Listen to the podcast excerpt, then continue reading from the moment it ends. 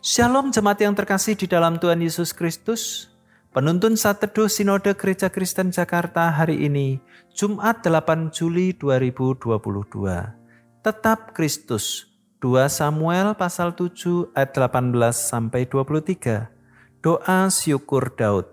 Lalu masuklah Raja Daud ke dalam, kemudian duduklah ia di hadapan Tuhan sambil berkata, Siapakah aku ini ya Tuhan Allah?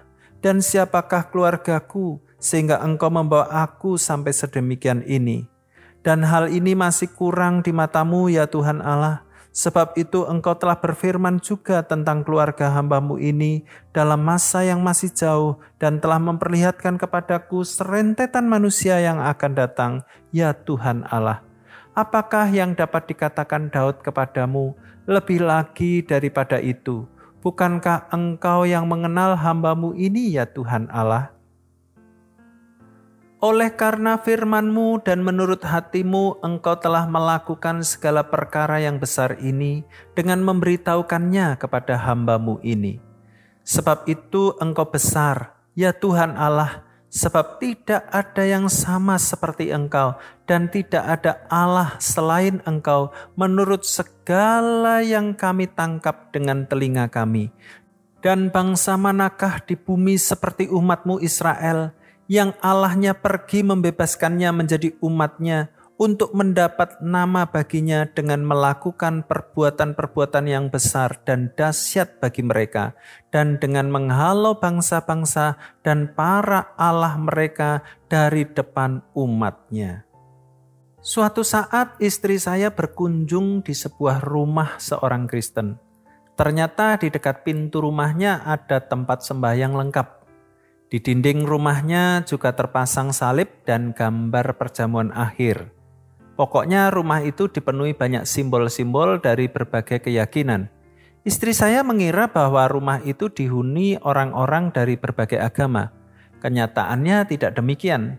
Ternyata tuan rumah berkata, kalau yang satu tidak bisa menjawab persoalan hidupku, maka ada yang lain. Ada orang Kristen yang memiliki pikiran seperti ini. Ketika mereka susah dan menghadapi masalah, mereka memiliki banyak sumber penolong. Jika tidak yang satu, maka ada yang lain. Demikian pula ketika hidup diberkati, dipelihara, dan mengalami kesuksesan, mereka dengan bangga menunjukkan banyaknya ilah yang mereka percaya. Sebaliknya, Raja Daud mengakui bahwa tidak ada Allah selain engkau, ayat 22. Allah yang Daud maksudkan tentu saja menunjuk kepada Kristus, tidak ada yang setara dengan Kristus dalam kuasa dan kasih dan kemuliaannya. Daud sudah merasakan penyertaan Allah dalam hidupnya. 2 Samuel pasal 7 ayat yang ke-9. Sejak Daud masih sangat muda, Allah memilihnya untuk sebuah tugas yang besar yang mengalami pertolongan Allah dari musuh-musuhnya. Namanya menjadi besar dan harum karena Allah. Bahkan kerajaannya dikukuhkan.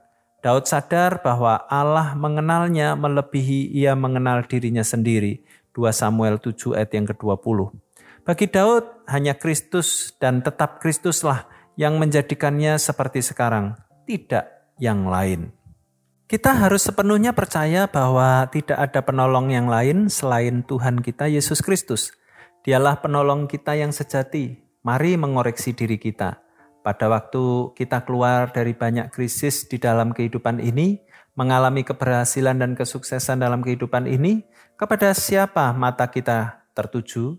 Apakah kepada Kristus dan tetap Kristus? Apakah di dalam hati kita hanya Kristus dan tidak ada yang lain? Kristuslah penolong kita. Andalkan kekuatannya dalam kehidupan kita. Hanya Kristuslah yang menyebabkan kita ada sampai hari ini. Selamat beraktivitas, Tuhan Yesus memberkati.